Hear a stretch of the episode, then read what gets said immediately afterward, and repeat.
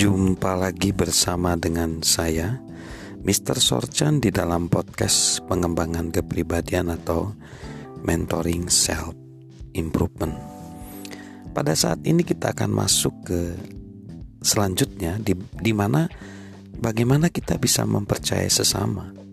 Kita perlu mengalami beberapa kemenangan bersama. Mengenali bahwa kegagalan adalah bagian dari terus bergerak maju dalam hidup saja tidak cukup. Agar benar-benar termotivasi untuk meraih kesuksesan, seseorang harus percaya bahwa ia bisa menang. Kemenangan adalah sebuah motivasi. Penulis novel David Ambrose mengakui kebenaran ini. Jika ingin menang, anda telah mencapai setengah dari kesuksesan Anda. Jika tidak, Anda telah mencapai setengah dari kegagalan Anda. Hadir di sisi orang lain untuk membantu mereka mengalami sejumlah kemenangan bersama kita, memberi mereka alasan untuk percaya bahwa mereka akan sukses. Dalam prosesnya, mereka merasakan kemenangan. Itulah saat ketika hal yang luar biasa mulai terjadi dalam hidup mereka.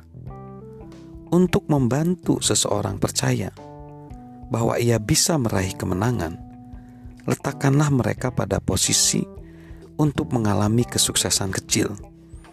Doronglah mereka untuk melakukan tugas atau mengambil tanggung jawab yang kita tahu bisa mereka lakukan dengan baik berilah mereka bantuan yang mereka butuhkan untuk meraih kesuksesan. Pada waktunya, ketika rasa percaya diri mereka bertumbuh, mereka akan menghadapi tantangan yang lebih sulit.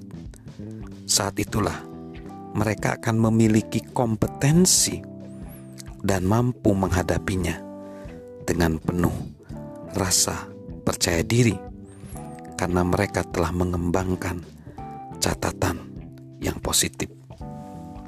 Yang selanjutnya, gambarkan kesuksesan masa depan kita. Sebuah eksperimen dilakukan pada beberapa tikus percobaan untuk mengukur harapan hidup mereka dalam situasi yang berbeda. Para ilmuwan menjatuhkan seekor tikus ke dalam seember air yang ditempatkan dalam ruangan yang sangat gelap. Mereka mengukur berapa lama binatang itu bisa bertahan berenang sebelum akhirnya menyerah dan membiarkan dirinya sendiri tenggelam. Mereka menemukan bahwa tikus itu hanya bertahan sekitar tiga menit. Lalu mereka menjatuhkan tikus lain dalam ember yang sama. Bukannya menempatkan tikus itu dalam kegelapan to total, mereka justru memberi secercah cahaya dalam ruangan itu. Dan dalam keadaan seperti itu, tikus itu terus berenang selama 36 jam. Lebih dari 700 kali lebih lama daripada tikus yang ada dalam kegelapan karena tikus ini dapat melihat. Ia terus berharap. Jika hal ini berlaku untuk binatang percobaan, pikirkan mengenai betapa kuatnya pengaruh dari visualisasi dalam diri manusia yang mampu memiliki pemikiran yang lebih tinggi. Telah dikatakan bahwa seseorang bisa hidup selama 40 hari tanpa makanan, 4 hari tanpa air, 4 menit tanpa udara, namun hanya 4 detik tanpa harapan. Setiap kali kita menumbuhkan impian bagi orang lain dan memberikan gambaran akan kesuksesan di masa depan, kita membangun, memotivasi, dan memberi mereka alasan untuk terus maju. Lalu yang selanjutnya, harapkan tingkatan kehidupan yang baru. negarawan Jerman Konrad Adenauer mengamati kita semua hidup di bawah langit yang sama. Namun kita semua tidak memiliki perspektif yang sama. Milikilah tujuan untuk membantu orang lain. Melihat lebih dari sekedar hari ini atau keadaan mereka saat ini dan milikilah impian yang besar.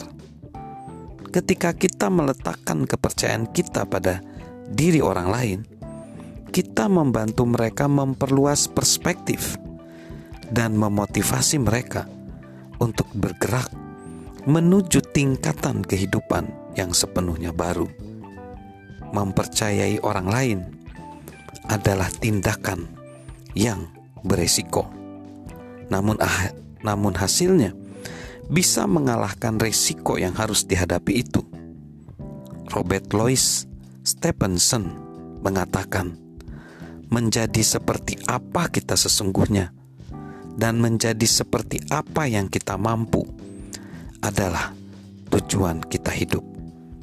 Ketika mempercayai orang lain, kita membantu mereka mencapai kapasitas mereka.